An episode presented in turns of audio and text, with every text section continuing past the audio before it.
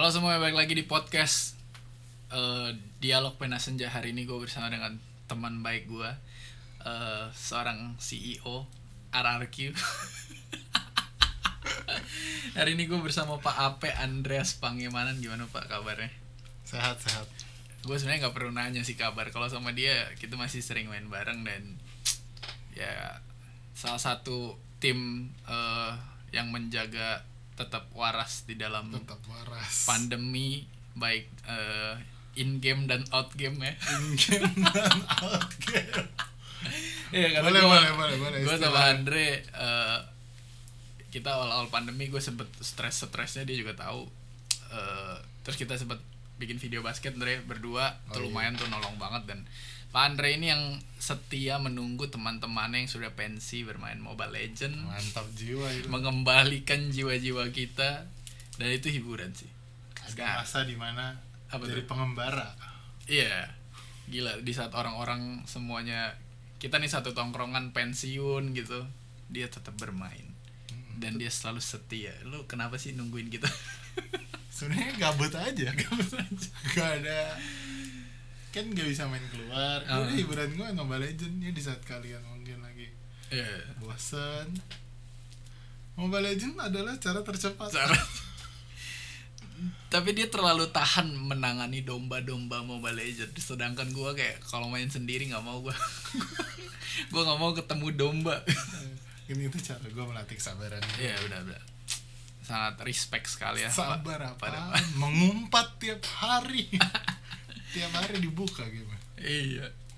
Ya biasa lah. Namanya juga game bocil, jadi baik bocil juga yang main. lebih bocil mana mah pemain Eh, yang itu game sebelah yang gak ada pintu Jangan gitu lah. Kita pernah ngadain turnamen soalnya. Game-game bocil ya udahlah ya. gue jadi panitia lagi Ya. Oke, kita tarik balik dulu Andre ke pandemi awal-awal enggak lah, kita tarik lebih jauh. oh kita jauh Kayak kita dulu tuh nggak nggak deket Dre. Karena gue sama Andre beda angkatan aja. Gue sama dia be- beda dua angkatan Dre. beda Iya dua beda sih? dua Tapi walaupun umur lu lebih sebenarnya cuma di bawah setahun. Iya. Kapan kita tiba-tiba menjadi Askaban yang sekarang di momen apa ya? Gue lupa loh. Biasanya gue juga nggak inget nggak detailnya nggak inget gitu. Ah. cuman mungkin karena sering main sama eh, Coco sama- Iya. Kayaknya zaman gue SMA ya. Eh kita SMA dong. ya zaman zaman kita ini Zaman-zaman loh, kita jadi- 48 Zaman-zaman kita 4848 bukan Iya, 4646. 46 Iya, saat jadi semua memilih jagoan ya gimana ya guys ya betul guys ya. melihat apa namanya Saat itu orang-orang jomblo, eh ada yang nggak jomblo juga sih, tapi kita disuguhi dengan sebuah idol group yang cantik-cantik dan imut-imut gitu kan. sesuai dengan kriteria ya Iya. Jadi di situ kita mulai gaul. Terus waktu itu zaman-zaman eh ya kita nonton-nonton lah kalau misalnya ada cocok ngebawain tontonan gitu kan. Kita Cekokin, nong- cekokin. dicekokin, nongkrong. Terus kayaknya itu juga masih belum belum deket banget kali ya. pokoknya deket-deket tuh mulai apa ya, mulai sering main terus Zaman gua kuliah gak sih? Iya waktu lu, awal-awal. lu zaman-zaman ngejemput gua ke kampus gitu-gitu gak sih? Ya, Apa kan sebelumnya udah? zaman-zaman itu kan kita pada pengen main Dota kan Oh. terus kebetulan lu juga sering mau balik kan Oh, biasanya cowok tuh kan kayak oh Icong belum balik Iya, Bre." iya. terus saking pengen yang ngajak ngumpul gitu oh udah gue jemputin aja lah binus Iya, binus ah. dia sih gila respect gue niat banget. Aduh males gue kayak motor transformer ya kan Iya lewat tol guys Kacau banget bro Gue kayak Yang bener lu Andre Mau ke sini lu Wah tiba-tiba dia udah di depan. Wah respect. Gue aja yang abis itu Gue dibonceng balik Sakit banget tapi pantat gue tapi nggak tahu ya seru gitu Seru ya? Seru itu. Eh banget Kalau Andre ini suka totalitas. Jadi dia kalau ngelakuin apa-apa tuh total gitu. Kalau mau ayo Sampai ujung. Kalau enggak ya anak- enggak. anaknya suka jalan-jalan anaknya juga suka jalan-jalan juga. Cuman dari momen-momen itu kita ya- jadi eh, makin dekat sampai akhirnya kita punya grup yang awalnya kayaknya bertiga doang ya berempat sama Raden ya sama Raden iya itu Tobanga kalau nggak salah Oh. iya Toba nama nama awalnya Tobanga gara-gara sering eh filosofinya sebenarnya sih abis main basket iya Terus kita suka nongkrong di lapangan kan sampai Ah, entah ah. gelap sampai jam berapa. Kadang juga nggak tahu ngapain di rumah kan Iya. entah banget kan kita ngambilnya Oh dari, enggak, dari SpongeBob kan Alik dulu gak sih? Alik dulu namanya Alik, dulu. Namanya. Aja gak jelas banget. Lu semua pasti punya gak sih sebuah grup gak jelas? Yang namanya gak jelas filosofinya gak jelas. Dulu sering oh nggak ngapa-ngapain di rumah. Hmm. Dulu gua sama Febri homeless. sama Febri homeless. Seringnya main main ke rumah gua nginep-nginep. Nah dulu sebutnya alik. Alik gak alik tuh artinya gak? datang main gitu ya. Menggila lah. menggila lah menggila. Alik gila kan. Terus akhirnya berubah jadi tobanga tuh. Ya, zaman itu masih jomblo-jomblo juga kan. iya dulu itu ups and downnya anak muda lah saat itu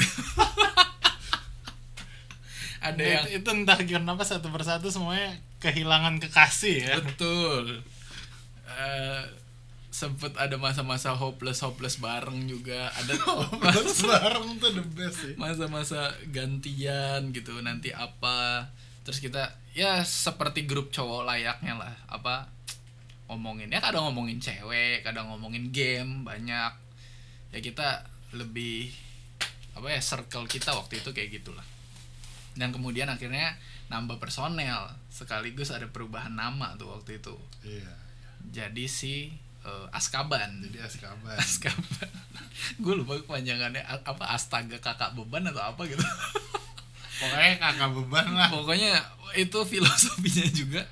Waktu itu kita semua merasa ah di keluarga gue ada aja nih sibling yang yang nyusahin gitu. Iya, ada.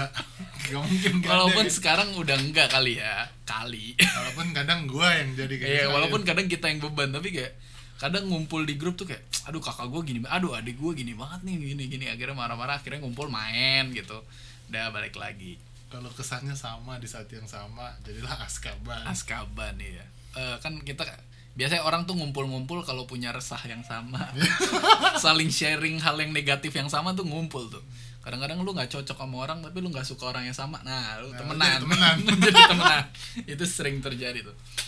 Nah, eh, singkatnya kayak gitu tapi gua ngerasa cukup bukan cukup ya, cocok sama Andre karena Andre juga eh, menurut gua personalitinya itu menarik gitu.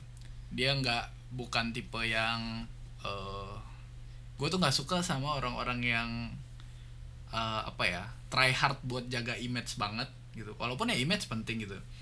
Cuman gue suka orang-orang yang apa adanya ya lu kalau kayak gini ya udah gini Iya, aja. bagus. Tapi di satu sisi kayak lu tahu prinsipnya gitu.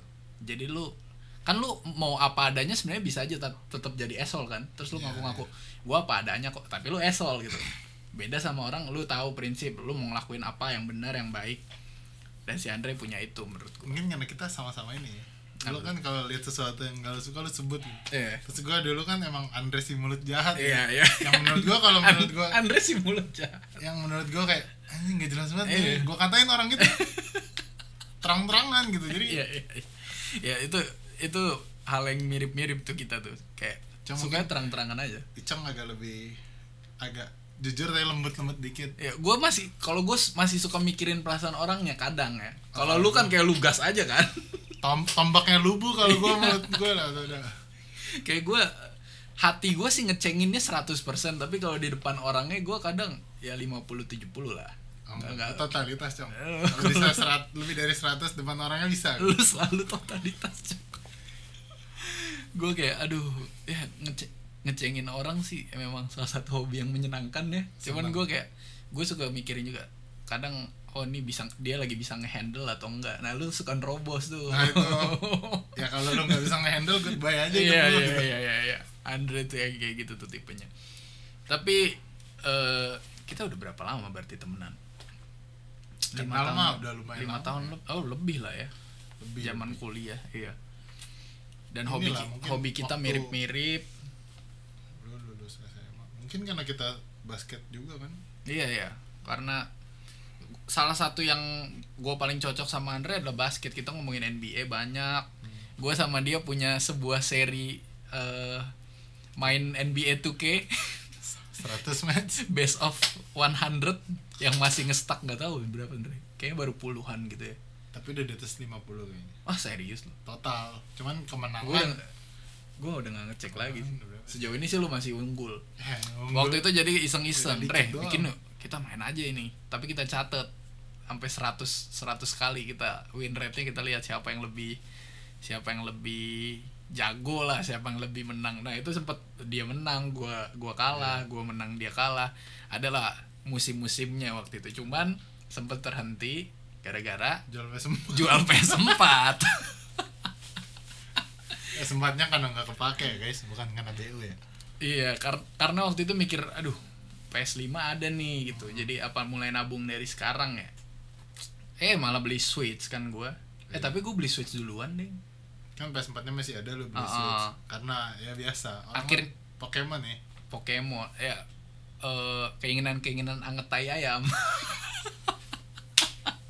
Nggak lama Switchnya gue jual nggak nyampe berapa enam bulan dan lain-lain emang jangan guys jangan asal-asal ikut hype kalau lu emang ternyata tuh nggak sesuka itu gitu tapi waktu itu nggak nyesel sih main Pokemon lumayan lah udah kira- kelar kan ya nggak tamat sih kira tamat selama ini gue kira dijual udah tamat Enggak, gue tinggal ngelawan Elite 8-nya yang stage terakhirnya, tapi gue nggak mainin. Bodoh banget. Gila. itu itu sumpah pembelian. Ya lumayan lah udah bisa foto masukin Instagram Switch-nya. Jadi gue pernah punya eh, experience eh, bermain Switch, tapi kayak ternyata nggak cocok-cocok banget karena jiwa gue bukan yang adventure banget Jiwa yang mabar RPG. ya. jiwanya jiwa mabar kalau nggak ada nggak ada teman main males mainnya nah gue sama Andre juga kita dari salah satu ras yang sama ras terbaik di Indonesia sayangnya kita nggak cocok aja gitu sama ras itu ya. Iya tapi ya kita nggak usah sebut rasnya lah. Kalian kalau tahu tahu aja. Tapi Andre ini sempet kita kalian pasti tahu udah. Eh tapi ini valid lah karena kita di ras itu jadi kita berhak ngomongin ras itu juga. Kan itu ntar kalau misalnya kita ngomongin ras lain jadi masalah. Andre ini kita nobatkan sama anak-anak sebagai Itachi Uchiha. Kalau lu tahu cerita Itachi membantai klannya sendiri demi sebuah eh, dunia yang lebih baik. Karena tapi dia karena disuruh juga. Andre itu dapat julukan itu karena walaupun kita di ras ini tapi kita melihat trait-trait dan kelakuan-kelakuan jelek dari ras ini. Dan dia suka banget nih nge-counter teman-teman kita di ras yang sama yang sudah mulai berkelakuan seperti itu. Gimana menurut lu seba- lu seneng nggak dibilang Itachi? Saat di mana gue bangga punya mulut jahat. Karena nih jujur ya ras itu tuh kalau gue nggak mungkin nggak perlu sebut kalian udah tahu ya. ras di mana mendingan gue nggak nggak makan tapi gue bisa gaya. Yes. Sedangkan gue akan lebih milih makan man makanan adalah salah satu jalan keluar ketika anda bersedih. Itu Iya, buat iya. gua buat gua atau buat kalian. Tahu sih. Nah itu udah sangat sangat bertolak ya Iya, dari diri iya. sama ya udah Ras- emang gak cocok aja gitu. Ras yang gengsinya tuh tinggi banget. Mm. dan orang apa adanya kan kebalikannya orang gengsi kan. Ya karena kita apa adanya ya kita terima-terima aja. Nah orang gengsi ini kadang kita yang kayak gua sama Andre gitu ini orang gayanya banyak banget. Tapi nanti di belakang ada aja gitu maksudnya. Kok lu di depan gayanya kayak punya 10 miliar padahal di belakang lu minta nasi uduk temen ngutang. Ngutang gitu kayak ya sebenarnya sah-sah aja cuman ke rasa sebel kita itu menciptakan kita. Dan si Andre bedanya kalau gue sebel-sebel aja. Terus gue kayak cuman cukup tahu. Ya kadang kalau misalnya ah males lah temenan sama yang begini-begini. Cuman kalau dia tuh ada mulut jahatnya jadi kadang secara frontal di dibilang ke orang ah gak apa-apa anda merasa terwakilkan. Iya nggak apa-apa. Abang gue juga seneng kalau dia ngecengin Eh, btw ini internal banget bodoh amat juga ya. Orang ini pembicara kita kita juga. Nah eh sekarang Dre umur lu berapa sekarang? 25 udah. 18 ah yang eh, yang bener lah. jalan 19 si muda. Siap muda. 25 25 25 Dan sekarang kita lagi umurnya lagi samaan nih. Anjay. Gimana? Eh lo udah mulai merasakan struggle struggle ini selalu gue bahas sih sama teman-teman gue di yang podcast struggle struggle umur 25 tuh berasa gak sih? Eh, kalau gue rasain ya berasa semuanya. Banyak. Semuanya berasa? Tapi ya gue bersyukur aja gue masih bisa bahagia tanpa harus gimana ya? Lebih ke bersyukur aja guys. Kalau Iya. kalian bisa mencari kebahagiaan di tempat lain gak usah pusingin itu terus gitu. Wah, ya, bagus banget. Bener juga sih. Anjing harusnya gue gitu. ini, ini abis off ini gue mau cerita oh, yes, yes, yes, yes, yes, yes. Jadi ternyata ada yang baru yang ah tapi oh, banyak yang baru banyak gak usah denger kalian gak usah ini denger. nggak bisa di sini dong Gak usah. Eh, anyway, kan eh, kalau kalian yang masih muda-muda nggak tahu ya, gue kayaknya udah sempet bahas juga 25 tahun itu berkutatnya nih kenapa dibilang struggle eh, quarter life crisis. Lu mulai lepas dari eh, kewajiban lu sebagai pelajar di mana lu dulu lu belajar lu lu bangun hari esok untuk dapat grade gitu. Lu dapat apa kuliah atau lu sekolah, lu selesain itu. Nah, once itu udah kelar, lu kan bebas sebenarnya, lu nggak ada kejar lagi. Sehingga lu harus nyiptain tujuan lu sendiri, baik itu dari apa namanya? dari si pekerjaan.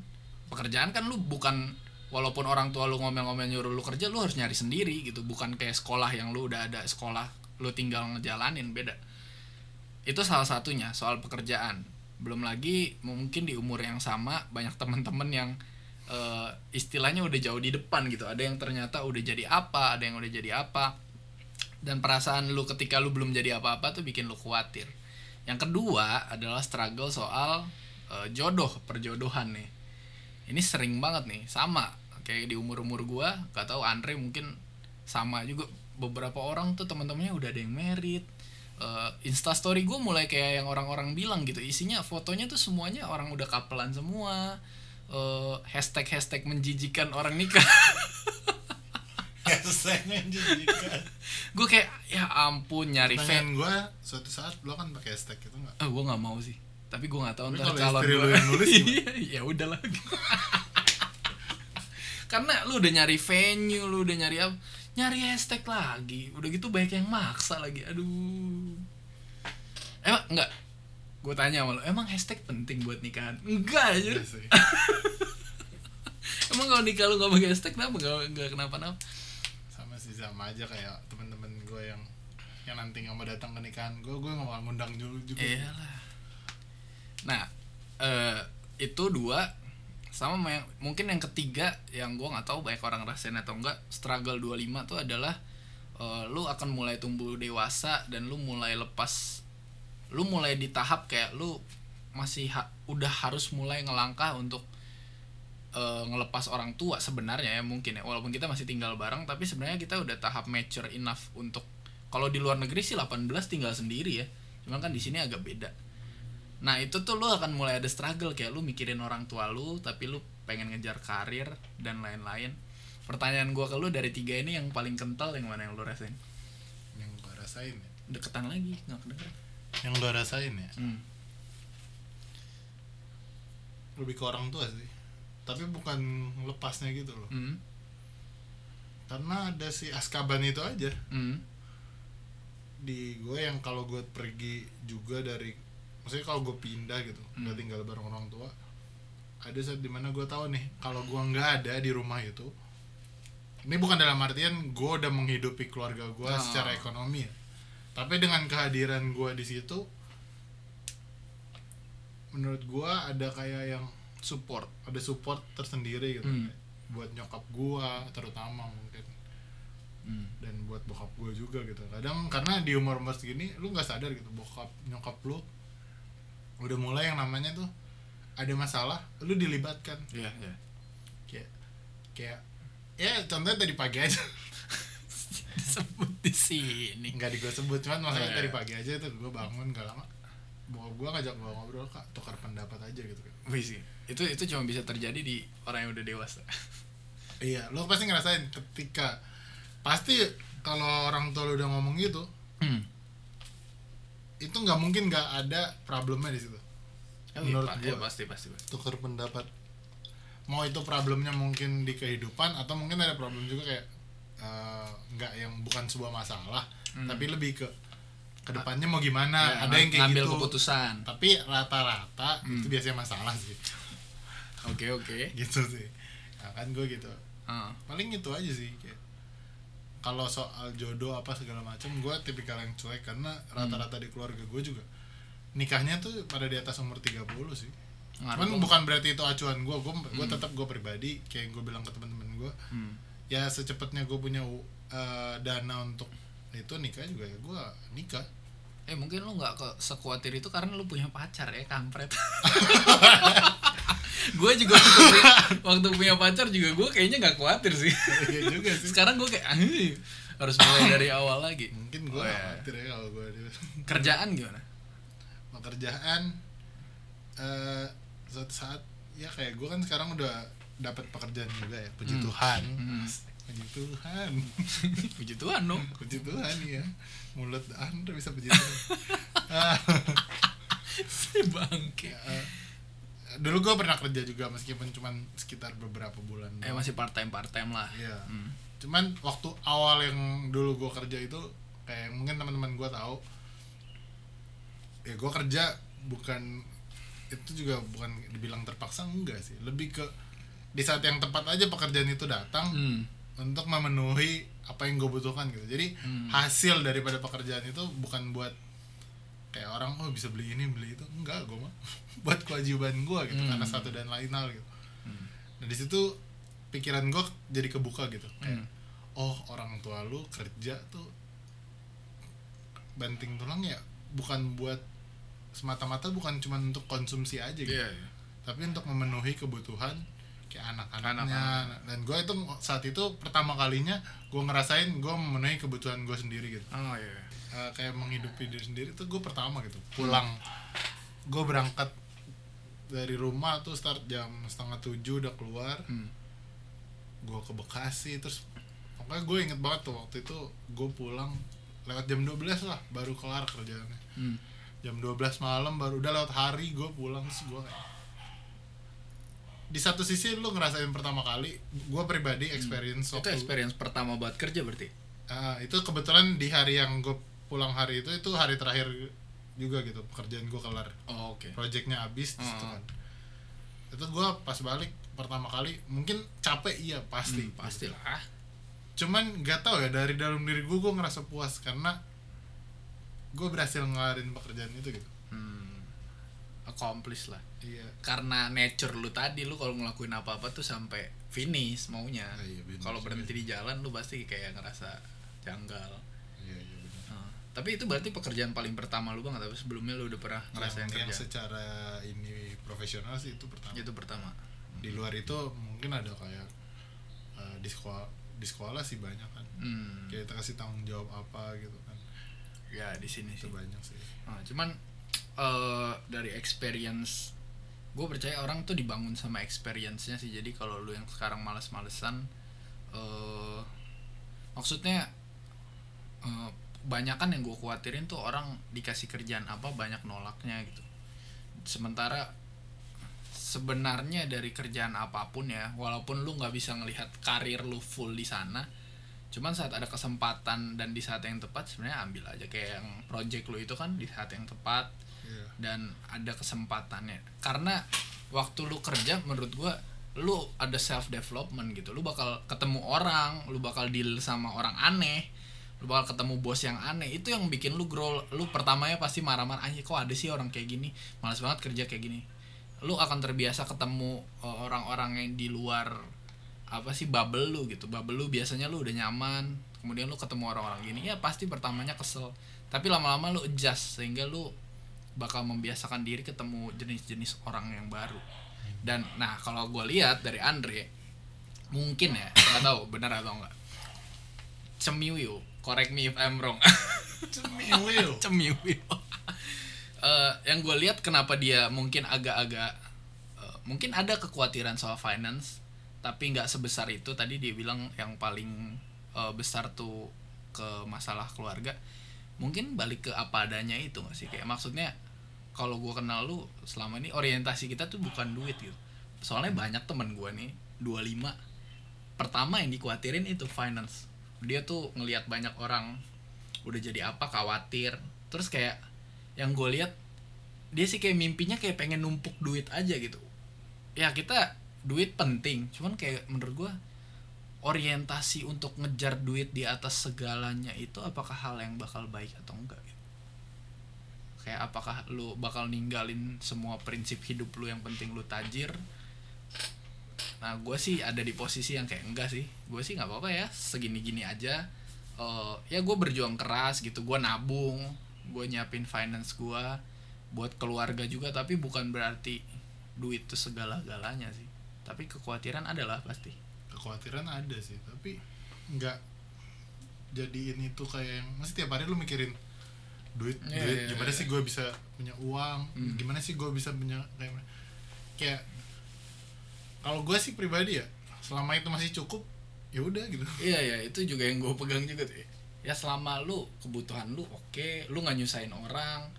Ya kalau lu punya tenaga buat bekerja lebih baik ya oke, cuman kebanyakan kekhawatiran teman-teman gue sih yang gue lihat eh ah duit yang penting dulu nih lu segini tahun segini harusnya udah punya ini kayak ya bagus sih nargetin cuman kayak lu di tengah jalannya banting-bantingan sampai lu lupa sama apa yang lu kejar sih sayang banget gitu. Gue sih mendingan walaupun naif ya gue mendingan ngejar mimpi daripada ngejar duit gitu ya lu mimpi lu apa gitu ya. Walaupun klise lah ah lu mimpi mimpi tai kucing. Ntar juga lu ujung-ujungnya duit. Iya bener. Cuman kan kalau katanya aduh gue siap, lupa lagi kutipan siapa tuh. Idealisme itu hal termahal yang tersisa di anak muda. Lu punya Iya, iya. idealisme akan mimpi lu. Waktu idealisme lu udah udah sold out sama keinginan lu untuk dapat uang lu udah ya lu udah jadi mediocre sama kayak semua orang lainnya sih. Iya benar gitu. Nah Prin- tapi kenapa? prinsip sama ini sih kalau gue bilang. Nggak tahu ya mungkin karena gue sendiri ya. Mungkin karena gue sendiri tuh lahir dari keluarga yang sederhana kali ya. ah, gue nggak bisa nyamain sama kalian-kalian yang udah Sultan. lebih berkecukupan ya sultan lah sultan katakan dari lahir. Iya. Iya, mungkin jadi waktu kalian ada di posisi gue kalian ngerasa anjir susah banget.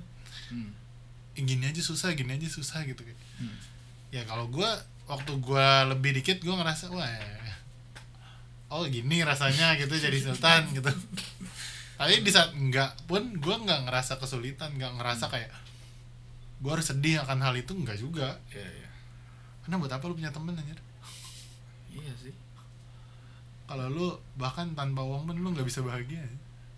Gue Iya. punya duit eh main basket lah. Kelar gitu. Iya kayak iya bener bener, ya gue mulai ngerasain semenjak kerja punya duit kan balas dendam kan beli banyak barang yang sebelumnya gue nggak punya. Tapi ujung-ujungnya ya lu seneng satu dua seminggu lah sebulan paling lama lu beli apa beli PS gitu terus abis itu ekspektasi lu bakal naik kan ah setelah ini apa nih? Setelah itu apa nih? Nggak akan ada habisnya men. Dan wah itu sih trap banget kan. Manusia nggak pernah puas tuh bener. Iya jelas. Ya yang yang ngebatasin yang bikin kita ngerem ya yang tadi lu bilang rasa syukur aja. Kalau lu udah punya ini dan lu bersyukur ya udah selesai masalahnya. Nah ngomongin kita balik ke keluarga kali ya karena tadi itu eh, hal yang kental di diri lu. Gue pengen nanya opini lu karena gue tahu eh, kita udah kenal. Cara kita dididik pun menurut gue mirip. Menurut gue mirip. Di satu sisi orang tua kita lumayan keras lah. Dan eh, ya keras kalau menurut lu keras di bentak-bentak doang oh my god I'm so sorry. Sabet-sabet gitu. Bentak sabet Ah. ya lah di sabet-sabet tapi gue sekarang gue tumbuh dewasa gue di posisi yang kayak wah gila. Untung gue disabet dulu. Kalau gue nggak disabet sih gue jadi kurang ajar jadi gitu. kurang ajar serius. Tapi banyak di masa sekarang yang gue lihat orang tua semuanya bilang kekerasan bukanlah eh, apa sih namanya penyelesaian atau cara mendidik gitu emang bukan kekerasan menurut gue disabet. Tapi gue bukan disabet di kepala juga sih. Ya gue disabet di kaki. Dan itu hanya terjadi ketika gue salah. Sehingga gue tahu apa yang salah apa yang enggak. Pandangan lu gimana menurut lu? Eh, pro dan kontra ini? Lu udah ngerasain dididik dengan keras itu udah ngebawa lu sejauh apa sampai sekarang? Tergantung tujuan kita disabet sih. Hmm. Kalau emang murni emosi lu kalau nanti lu jadi orang tua ya kalau menurut gue ya kalau lu nyabet anak lu karena emosi Hmm. jangan sih. Iya iya iya. Karena rata-rata orang tua gua kayak gitu. Mungkin orang tua Victor juga. Hmm.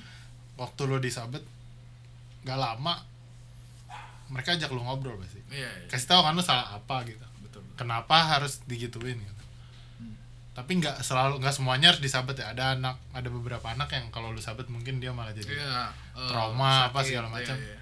ya maksudnya kalau itu anak lu sendiri pasti lu tau lah cara mendidiknya Iya, iya. lu bisa sadar gitu kecuali lu emang bad parents aja. bad parents ya Goblok aja. emang goblok aja itu sorry men Iya, itu Gua bisa ngomong apa-apa, men. Iya, iya eh, bagus banget sih. Tujuannya sih, lu jangan cuma ngelihat kayak, ah lu nggak menghargai anak. Maksudnya, gu- kenapa gue punya bisa nanya gini juga? Berangkatnya adalah, lu lihat deh, orang-orang yang dari dulu mungkin kita dipukul di kaki, mungkin orang tua kita dulu dipukul di pala gitu ya. Cuman Iya. sekarang jadi orang yang bener men gitu. Nah sekarang yang lu gembar-gemborin nih ngedidik anak jangan dipukul, jangan diomelin, eh, ajak bicara. Coba lihat deh. Maksudnya teenager sekarang is it better atau is it worse gitu? biasanya anak 2000 sih Iya, dan gua nggak bilang udah pasti jelek, ada trait-trait yang mereka lebih baik dari yang lainnya. Cuman eh, menurut gua orang-orang banyak terlalu ngebela jangan kayak gini padahal belum melihat hasil akhirnya. Hmm.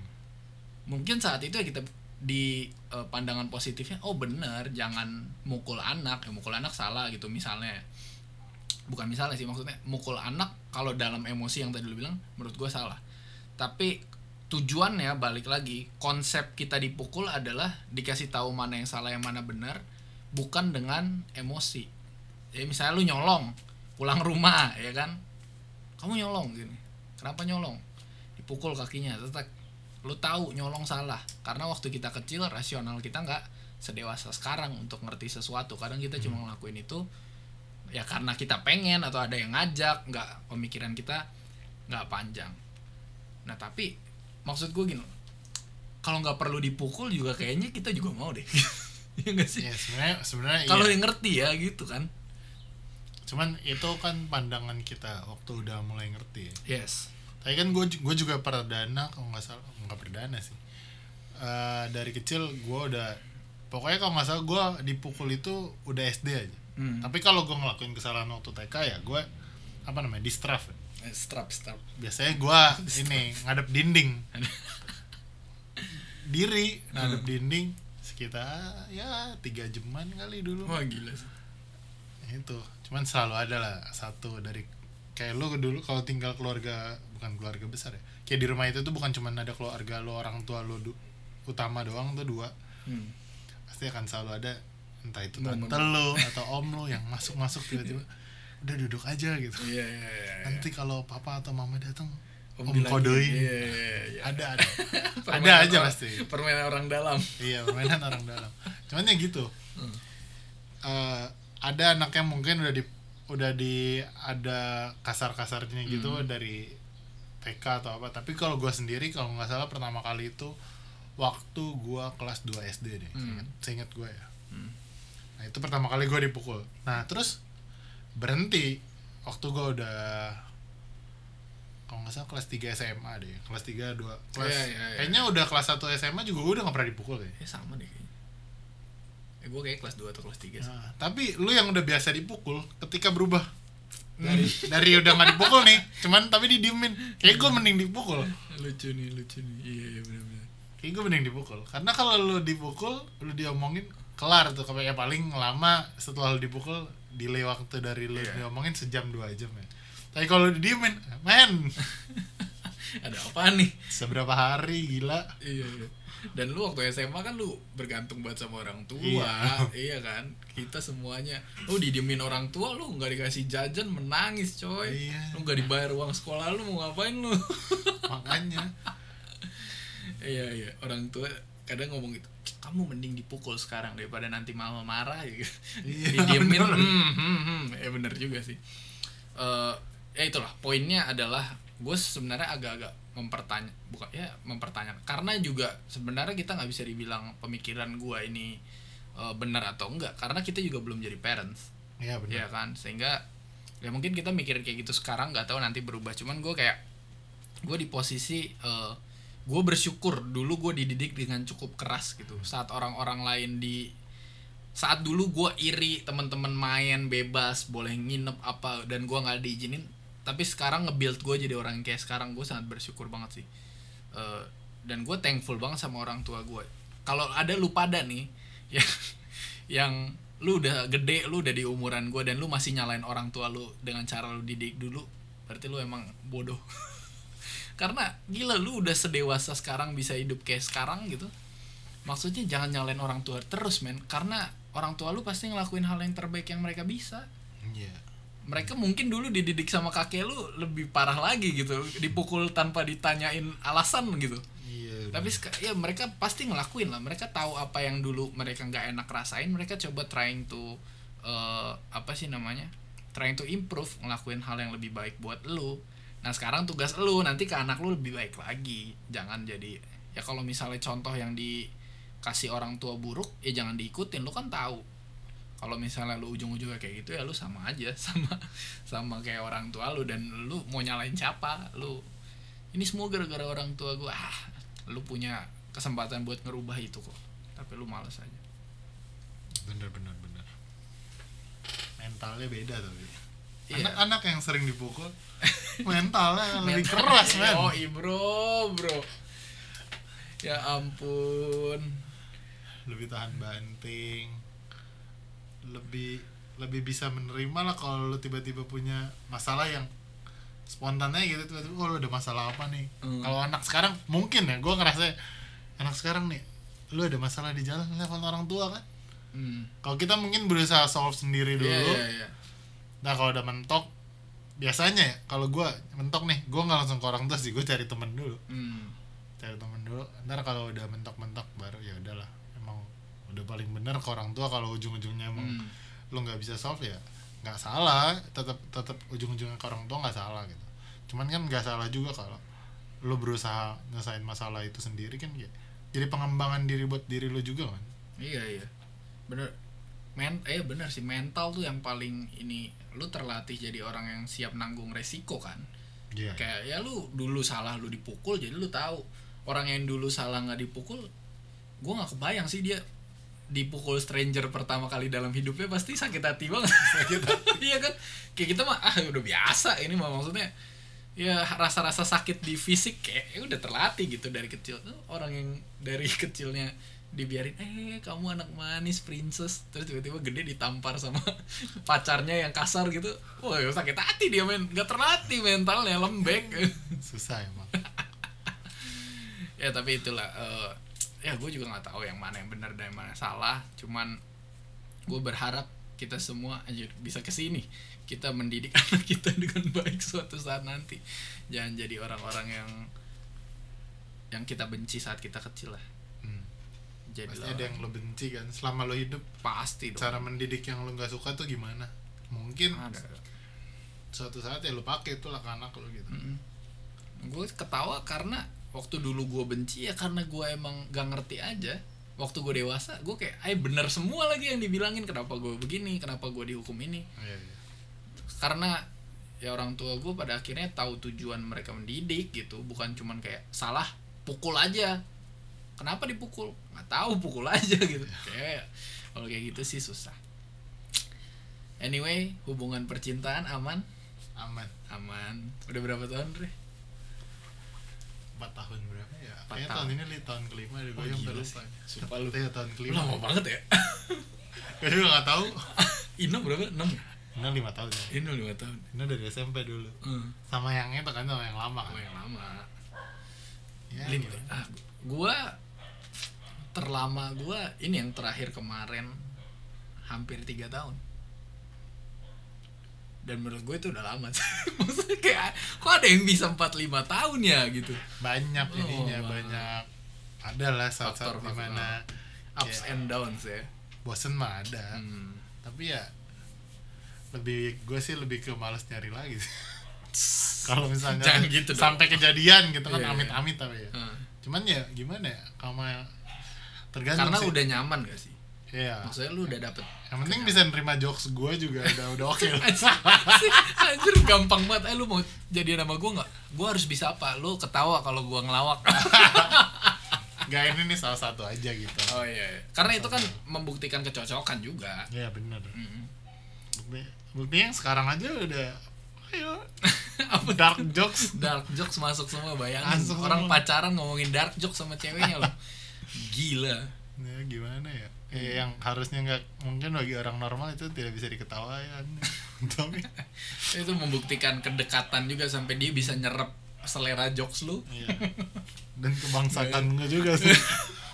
Gue ya gue sekalipun misalnya gue sih nggak terlalu suka dark jokes. Sekalipun gue suka dark jokes gue nggak bakal nularin lo cewek gue itu nggak sengaja sama nanti dia berubah lagi. Saya itu nggak sengaja. Oh iya. Tapi ya ya gimana ya kayak lu udah pacaran 4 tahun lebih hmm. kayak udah semua diomongin gak sih iya jadi kalau ada hal baru yang cocok ya kadang ada saat di mana gue nganterin hmm. yang oh, yang tadinya tuh bisa tuh dari awal nganterin dia misalnya kerja Hmm. dia kerja gue anterin gitu Hmm. dari rumahnya dia sampai tempat kerja ngobrol bisa Hmm. pernah juga dari rumah sampai tempat kerja nggak ngobrol pernah. Pernah. Pernah. Jadi ya empat tahun. Udah mau lima tahun apa yang nggak pernah dilewati? Pasti pernah iya kayak ya Hmm. bersyukur aja men. Ya lo waktu lo lagi katakanlah dulu gue pernah ada di masa di mana gue jadi sultan ya. Basic wallet Iya. tetap bisa jalan sama cewek gitu ya. Itu itu ya, dia ada gitu. Hmm. terus waktu gue susah waktu gue katakanlah lagi down downnya gitu ya. Hmm. dia ada juga. Dia udah ngeliat dan dia dia nggak pergi gitu nggak stay. Ya sebisa mungkin sih ya pertahanin aja gitu. Kecuali emang hal-hal yang yang ya lu tau lah selingkuh atau segala macam Ah, gitu. kalau ya emang udah bisa fakta- udah ditolerir banget lah iya. Iya. Benar sih kayak sempat mau putus? Oh pernah. Gue percaya sih kalau empat tahun orang kayaknya tuh udah mau udah mau putus lari-lari drama-drama udah semua Oh, kayaknya udah. pasti lah yang yang kayak gitu yang bikin akhirnya lu bisa slow kan kayak oh lu kita mau ada masalah apa udah pernah. Iya. jadi ya udah experience juga. Ya, menarik sih tapi empat tahun gila. Menurut gue gue nggak tahu ya. Bullshit sih orang empat tahun gak bosen. Menurut gue bullshit. Gitu. bosen tapi yang ngebedain adalah orang yang tahu bosen tapi nggak nggak kehilangan tujuannya dia ya kalau lu bosen tapi lu tahu lu mau ke mana tujuannya lu bakal nyari lagi cara supaya lu balik lagi ke Iya, tujuan lu gitu. Nah lu pacaran lu mau ngapain? Mau senang senang kalau lu senang senang bosen cabut. Pasti. Kalau ini ah 4848 dong. Kalau itu ya susah lagi. Cuman gue percaya orang selalu berubah. Di dalam pacaran pasti berubah. Tapi yang nggak boleh berubah tujuannya. Tujuan lo happy bareng-bareng sama orang yang sama kan sama dia juga ya, nah kalau itu udah berubah ya maka mendingan relationshipnya jangan dilanjutin. Pokoknya selama masalah yang beratnya itu bukan dari dalam hubungannya ya itu mah gas aja kayak sorry ya mungkin ada yang dari luar gitu kayak. Hmm, keluarga. Mungkin ada yang dari keluarga ada yang Kerjaan. eh, kerjaan atau jarak gitu Hmm, kan. oh iya, iya, iya. Itu kan belum dari dari dua pihaknya kan. Hmm benar benar benar. Kayak ya coba aja tahan kalau emang lu beneran sayang atau iya. lu mencintainya ya. Mencinta. Cuman kalau emang udah dari dalam gitu masalahnya kayak Hmm. beda agama itu nggak ya?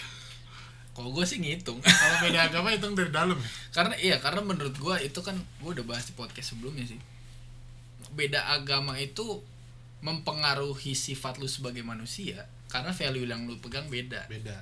Nah Kak, dengan tujuan gua pacaran buat nikah ya masa lu mau pacaran pacaran pacaran value nya beda terus nikah?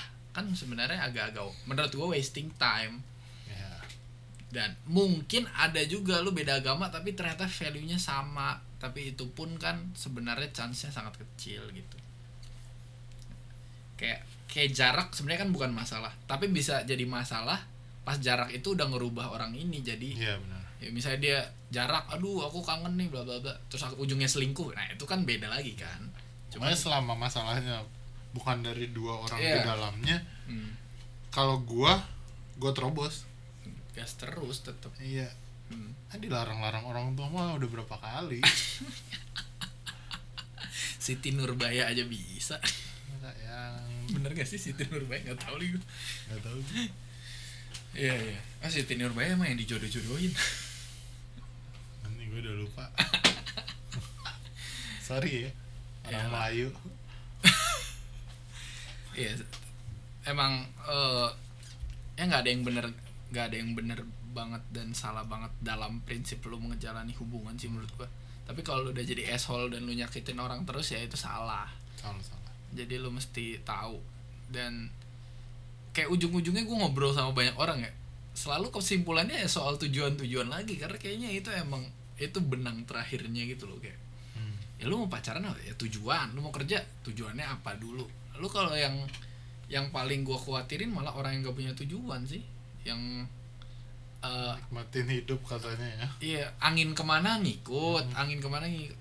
Ya lu di situ-situ aja sih kayak jadinya nggak nggak nggak bergerak ke tempat-tempat yang jauh. Sayang banget. Jadi gimana Pak Victor? Tujuannya sekarang apa gitu? Jarak dekat deh. Tujuan gua tujuan jarak dekat. yang deketnya. Gua pengen secara mental sehat dulu. Sekarang nggak sehat? Karena se eh, secara mental sekarang masih masih goyang kayak sekarang udah sehat-sehat nih. Nanti kadang kalau lagi malam lagi sendiri tiba-tiba kena mental sendiri. Aneh banget kayak tiba-tiba khawatir gitu. Dan gue gue agak-agak takut karena dulu nggak pernah kayak gitu. Dulu kayak ya udah lu udah strong udah jalan segala macam terus kena mental breakdown waktu itu. Hmm. semenjak saat itu gue suka kadang-kadang suka kekhawatiran tuh kayak di dalam tuh feelingnya tuh kayak strong gitu kayak jadi takut jadi apa gitu nah itu gue pengen sehatin itu dulu tuh. Itu yang paling pertama. Karena itu langkah gue menuju ke hidup yang lebih tenang dan happy. Mungkin kayak lo harus lebih bisa menerima iya sih. Ketika lo ingin berbuat baik tapi yang lo mau tolong itu Hmm. malah kurang ajar gitu ya. Harus diterima. Harus diterima. Iya, jangan didinai. Ah, harus diterima. Iya. karena pekerjaan lo gitu. Oh iya, iya. gak bisa disebut itu, lah ya. guys iya, itu itu harus dicoba. Maksudnya gue mencoba hal itu sih karena sebenarnya di kerjaan gue juga banyak hal yang baik yang terjadi. Hmm. cuman gue tipe yang kepikiran dengan satu shit happens gitu. Iya benar. Kayak sebenarnya jelek ya 100 hal baik terjadi satu shit happens gue malah mikirin yang satu shit happens ini. Nilai setitik udah emang. Iya merusak susu secimori cimorinya iya gitu. Itu kayak itu nggak apa-apa. Hmm. berarti dalam pekerjaan lo membuktikan bahwa anda peduli Iya. untuk anda yang dengar dan anda sadar itu anda ya. Itu yang yang selama ini gue ah kalau gue nggak peduli sih lebih gue gampang hidup gue iya. Anda susah nilai anda nggak bisa nggak bisa. Gue emang ternyata orang yang sangat sensitif dan orang yang peduli walaupun kelihatannya cuek ya. Cik gitu ngebela diri. Nggak kalau kata zodiaknya gitu nggak nggak nggak nggak nggak. Zodiak zodiak. Zodiak gampang tersinggung. Ya eh, mungkin step selanjutnya ya nemuin happy happy yang kecil sih kayak mulai ke sini kan gue ngomongin tujuan juga gue sebenarnya ada masa-masa kayak mulai kehilangan tujuan nih gue mau ngapain sih? Udah umur segini gue mau ngapain sih? Nikah jadi tujuan? Iya tapi kayak ya setelah nikah ada tujuan baru kan. Hmm. ya kalau misalnya nikah gue kesampingin tujuan gue apa sih karir ya gue nggak ngejar-ngejar duit banget ya punya karir yang bagus ya cuman sebagai self development aja sih. Sama mungkin ya ngejaga circle-circle temen-temen gue yang bikin gue happy ini yang ba- baik ini gitu. Karena itu menurut gue penting banget sampai sampai lu tua. Gue pengen punya temen-temen yang masih dekat dan masih sharing hal-hal bodoh. Hal-hal yang menurut gue itu mahal sih. Hal sepele tapi bisa ketawa lama ya. Iya kayak lu kesepian banget kalau lu udah tua dan lu gak punya temen sih kasihan. Nggak punya temen tuh susah. Hmm. lu yang gak punya temen cari teman makanya lo yang punya temen jangan sosok nggak punya temen. Iya lu jangan kalau punya temen jangan diomongin dari belakang ngomongin dari depan biar abis itu bisa saling introspeksi. Kalau punya temen jangan diutangin terus pergi. Nah kalau kalau punya temen jangan lu tipu kayak ada ada nadanya kepahitan kepahitan tandanya menuju kepada seseorang aduh terlalu internal Gak apa-apa untuk anda seseorang yang kami tuju Iya. Kalau suatu saat kamu mendengar ini, saya sudah mengikhlaskan. Mm-mm. Tapi kalau bisa dibalikin sih gak apa-apa. ya nggak salah kan ya Iya, iya, iya, iya. Aduh, lu sendiri gimana? Dalam waktu dekat ini apa yang mau lu eh, kejar? tujuan gue ya untuk saat ini sih Hmm? lebih ke gue pengen coba cari pekerjaan yang lebih stabil aja sih Hmm. yang karena untuk saat ini ya jujur ya gue pengen bokap gue pensiun aja Karena lu sayang sama dia. iya kayak udah bukan umurnya lah kayak gitu Hmm. kayak yang orang orang lain gue pengen ya udah kalau emang dia pensiun udah lu di rumah mau bikin apa gitu Hmm. mau sama nyokap gue Jalan-jalan kayak mau apa? iya atau mau tetap bikin kue atau Hmm. apa segala macem gitu bantuin nyokap gue nyokap gue masih mau bikin usaha Hmm. oke silahkan gitu Hmm. tapi kalau kayak kerja di kantor terus kayak apalagi ntar ada proyek gitu kan orang bokap Iya. gue kan lebih ke orang lapangan juga kan Iya. ngurusnya kan kayak kayaknya udah bukan umurnya gitu Iya. Sejujurnya gue juga sama mikir. Gue juga kayak udah lah papa tuh udah berjuang udah lumayan lama nih. Ini kayaknya udah harusnya rehat deh. Gitu. iya udah harusnya ya tapi kita tahu gitu kalau mereka rehat mungkin kalau bokap Iya. bokap gua kayak sama deh Sama lah. Orang mereka di rumah juga mirip-mirip. ngurusin tanaman Iya. kan itu semua bapak-bapak sih gue juga kayaknya gue takut gue kayak bukan takut sih gue kayaknya bakal gitu juga sih iya kayak cuman ya gimana ya? Impiannya tinggal di desa. Iya tenang gitu Tenang, kan iya. menghabiskan hari tua yang nggak perlu apa ya cuman kerja tetap gerak gitu. Tapi Oh. bukan kerjanya tuh bukan yang kayak stres di pikiran gitu. Betul betul. Kayak mereka kerja karena mereka suka sama pekerjaan yang Hmm. lagi dijalanin aja gitu. Kayak berkebun kayak kayak berkebun asik sih. Kayaknya kayak hidroponik harus udah gue mulai YouTube dari sekarang deh itu sih paling tujuan gue untuk saat ini. Jadi kayak Hmm. lebih ke gue gantian gitu. Gue yang jadi tulang punggung. Hmm, lu mau support Nih, keluarga lu secara penuh. Setidaknya full itu sampai eh, kekhawatiran bokap gue sih yang gue tahu sekarang sam maunya tuh dia mau kerja karena adik gue masih masih kuliah. Hmm. mungkin kalau dia udah adik gue udah nggak kuliah yang dia sering bilang dia mau pulang Manado sama nyokap. Hmm. aduh kesebut dong. Bodoh nggak apa-apa lah. Nggak apa-apa lah. Nggak usah dikat Manado. Itu kayak, kayak mereka pengen pulang kampung gitu kan. Oh. jadi sorry ya guys. Dari tadi udah ngomong-ngomong ras Gak segini apa-apa ras. lah ya, kalian udah tahu kan. Ya udahlah. Apa kita juga Manadonis paling kalau viral gue bikin video klarifikasi minta maaf. Iya loh. Enggak lah nggak bakal gila lo jangan ngegas dong. Aja. Gue sering ngatain yang klarifikasi. Iya gitu kan.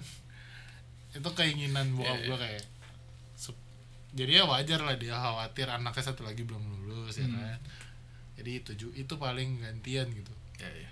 cuman ya eh, meskipun kayak yang jangan jadikan juga kalau misalnya gue nanti udah udah punya pekerjaan yang oke lah tiap Hmm. bulannya udah ini jangan terlalu nyaman juga selama lu selama kalau gue pribadi gue lebih pengen nanti suatu saat gue buka usaha daripada gue jadi karyawan terus Ya. Gitu. Mimpi ini. Jadi bapak kan udah mau jadi CEO kan naik kan. Jadi kepala daripada anak-anak manis. Pusing pala gue Ya. cuma mikirin aja pusing gue gak apa-apa di situ kan anda menolong gitu. Anak-anak menentukan tujuan masa Iya, depannya yang lebih baik gitu kan. Benar-benar nggak boleh capek gitu. Kan gue gua harus bisa ngebensinin diri dengan ya apa pun yang nanti gue hadapi gue harus cari bensinnya gitu. Maksudnya jangan cuma nyari marahnya doang. Iya. Ya kalau ada orang yang terbantu kan gue juga pasti karena gue juga punya perasaan itu. Lu, lu juga pasti punya ketika lu bisa nolong orang happy Iya. gitu. Itu punya contoh lah dari orang tua kita kan Iya. Kan. ya, makasih mama dan papa ya udah mendidik aku. Jadi orang yang seperti sekarang. Maafin aku bapak dulu kalau diomelin pengen mati aja pengen minggat gitu. Udah sosok masukin baju ke tas. Iya. Tapi tahu nggak punya duit. Iya aduh maafin aku atau papa. mungkin gua doang kali yang pernah kayak gitu waktu SD terus diomelin pengen kabur dari rumah gitu. gue juga pengen tapi gue orang hidup gue sebatas pagar rumah gue keluar ke warung doang. Di bawah jauh dikit 10 meter juga gue udah nyasar kali. Ya tapi bagus lah. Eh, bicara sama Andre ini banyak banget ngomongin keluarga dan menurut gue itu hal yang udah sering diabaikan orang-orang di saat ini ya nggak tahu ya yang gue lihat aja. Anak muda sekarang lu mikirin fame lu mikirin karir lu sendiri. Eh, jangan sampai lupa men lu dari mana? Oke eh ayo kepotong mulu. Eh, biasalah hari-hari kerja jadi ada beberapa hal. Tapi balik lagi eh, ngomongin sama Andre gue pengen ngingetin juga buat kita semua anak-anak muda gitu bukan berarti gue ngomong ini karena gue lebih jago juga sih tapi kayak jangan lupa sama keluarga lu eh, sayang banget lu jadi orang yang su- sukses apa pun tapi lupa sama keluarga sih ya menurut gue agak-agak disayangkan aja. Karena lu jadi lu yang sekarang eh, ya karena keluarga lu. Walaupun mungkin ya keluarga kita nggak sempurna pastilah. Ada bokap lu kayak gimana nyokap lu kayak gimana cuman segala bekal yang bikin lu kayak sekarang itu jangan sampai lu ngelupain ya lu dari datangnya dari mana. Apalagi kalau misalnya orang tua lu udah sayang banget sama lu jangan lu sia-siain dengan ya nge- ngejar impian lu pasti gue yakin sih orang tua lu seneng ngelihat lu hal itu. Tapi jangan sampai lupa sama mereka dan perjuangan yang mereka kasih sih. Cocok. Ih, sedih terima kasih buat teman-teman gue. Teman SMP gue. Yang lu ngata-ngatain gue lah gitu. Apalagi nih kita bahas? Apa lu mau ngomong apa lagi? Ada nggak yang lu mau ngomong? Gue biasa sih soskom soskom aja. Sosial komentari ada berita apa gue komenin. Apa yang lagi meresahkan lu Andre kira-kira ini? Yang lagi meresahkan gue? Pesepeda sih. Aduh. Oh iya iya iya, itu itu sempet rame. Aja gue gue lupa bahas lagi sepeda sih.